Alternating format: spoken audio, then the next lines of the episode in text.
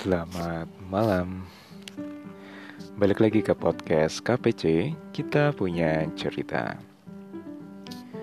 Pada malam hari ini mungkin sudah mau menjelang akhir. Udah sebenarnya udah udah selesai ya, udah bukan menjelang akhir tahun lagi, tapi udah akhir tahun, udah selesai, udah masuk ke tahun yang baru dan saatnya kita semangat lagi untuk menjalani satu tahun ke depan dan tahun-tahun berikutnya sampai nanti ya kita tua sampai kita nanti dipanggil dari yang kuasa. Pada malam hari ini balik lagi ke sesi poem di mana saya akan membacakan satu puisi dalam bahasa Inggris. Semoga teman-teman berkenan untuk mendengarkan dan nanti saya seperti biasa menjelaskan mengenai apa sih maksud dari puisi ini, kenapa saya menulis puisi ini. Dan judul dari puisi ini adalah Self Reminder. Selamat mendengarkan.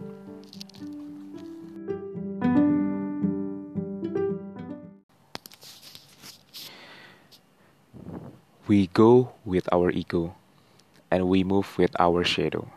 No one will follow. If we are falling into deep hollow, and nobody will give a hand if we are not asking for help. Trouble and problem always come, make you feel like you're a dumb. Be tough, be strong, although we're not living in the Bronx.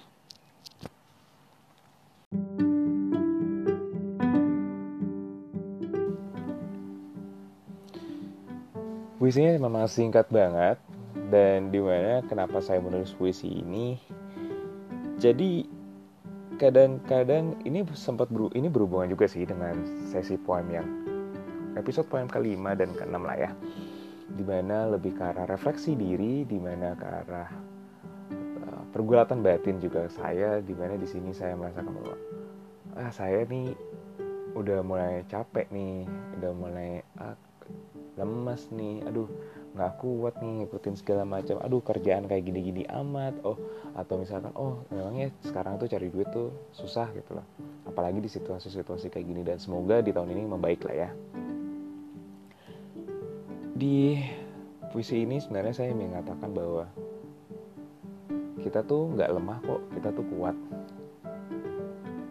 Dan kita tuh mestinya tahu bahwa kalau bukan dari kita sendiri yang melakukan perubahan ya orang lain juga ya bukan orang lain juga yang akan membantu kita gitu loh. Dan kalau kita tidak mau bersuara tidak mau mengeluarkan opini kadang orang lain juga nggak ngerti apa maunya kita anggapan contohnya adalah paling gampangnya adalah kalau misalkan kita di kerjaan kita cuma ngangguk-ngangguk diam-diam aja sama misalkan dari teman kantor atau dari bos kita bilang oh yaudah yuk kita kerjakan ini yuk kita kerja. tapi sebenarnya itu satu hal yang mungkin dari kalian atau dari rekan-rekan yang mendengarkan tahu nih bahwa ini nggak mungkin gitu loh ini agak susah untuk melakukan atau misalkan udah pasti hasilnya nggak bagus tapi tetap mau dicoba gitu dan ujungnya setelah dicoba oh yaudah oh gagal ya ini kan sebenarnya kayak gini tapi kok kenapa kenapa kamu nggak ini? Nah itu perlu banget dari rekan-rekan kasih opininya dan perlu banget rekan-rekan ketika brainstorming untuk melakukan suatu hal yang baru kayak gitu ya berarti ya harus berpartisipasi aktif bukan cuma mendengarkan menganggukkan kepala dan melakukan mengatakan iya bos. Karena kadang-kadang ya memang kita hidup di memang kalau misalkan sebagai pekerja atau dalam tanda kutip sebagai budak korporat kalau boleh saya bilang ya karena saya pun juga masih seperti itu ya kita pun kadang-kadang harus menjadi tanda kutip yes man. Tapi kadang-kadang ya kita harus membatasi diri kita kapan kita harus bilang iya kapan kita bilang tidak. Atau kita bilang oh ini tidak bisa disanggupi sekarang ini tapi oke okay, perencanaan ke depannya seperti seperti ini. Dan kadangkala rekan-rekan atau dari diri kita pribadi ya kita merasa bahwa hidup kok gini-gini amat sih? Kok capek banget ya?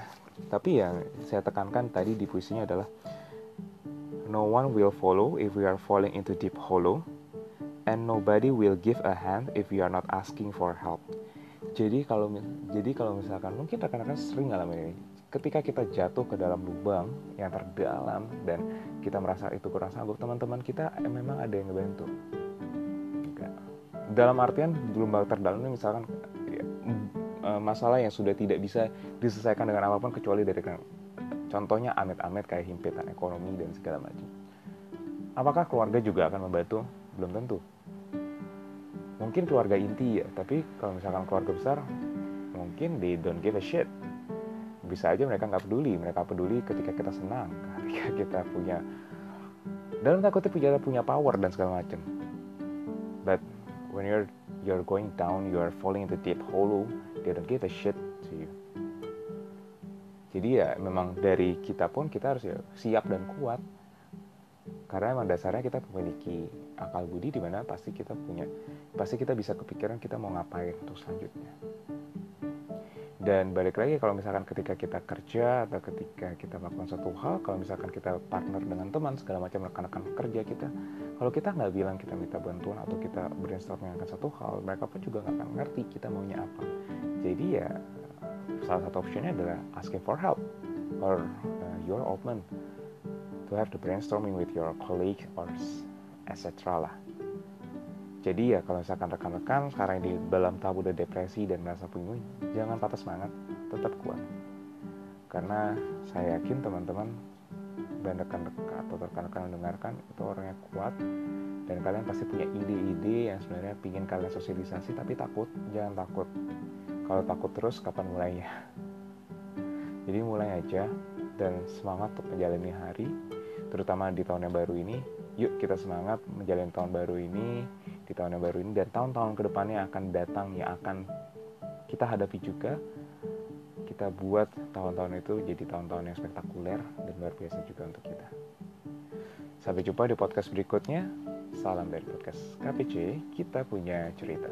Selamat malam. thank you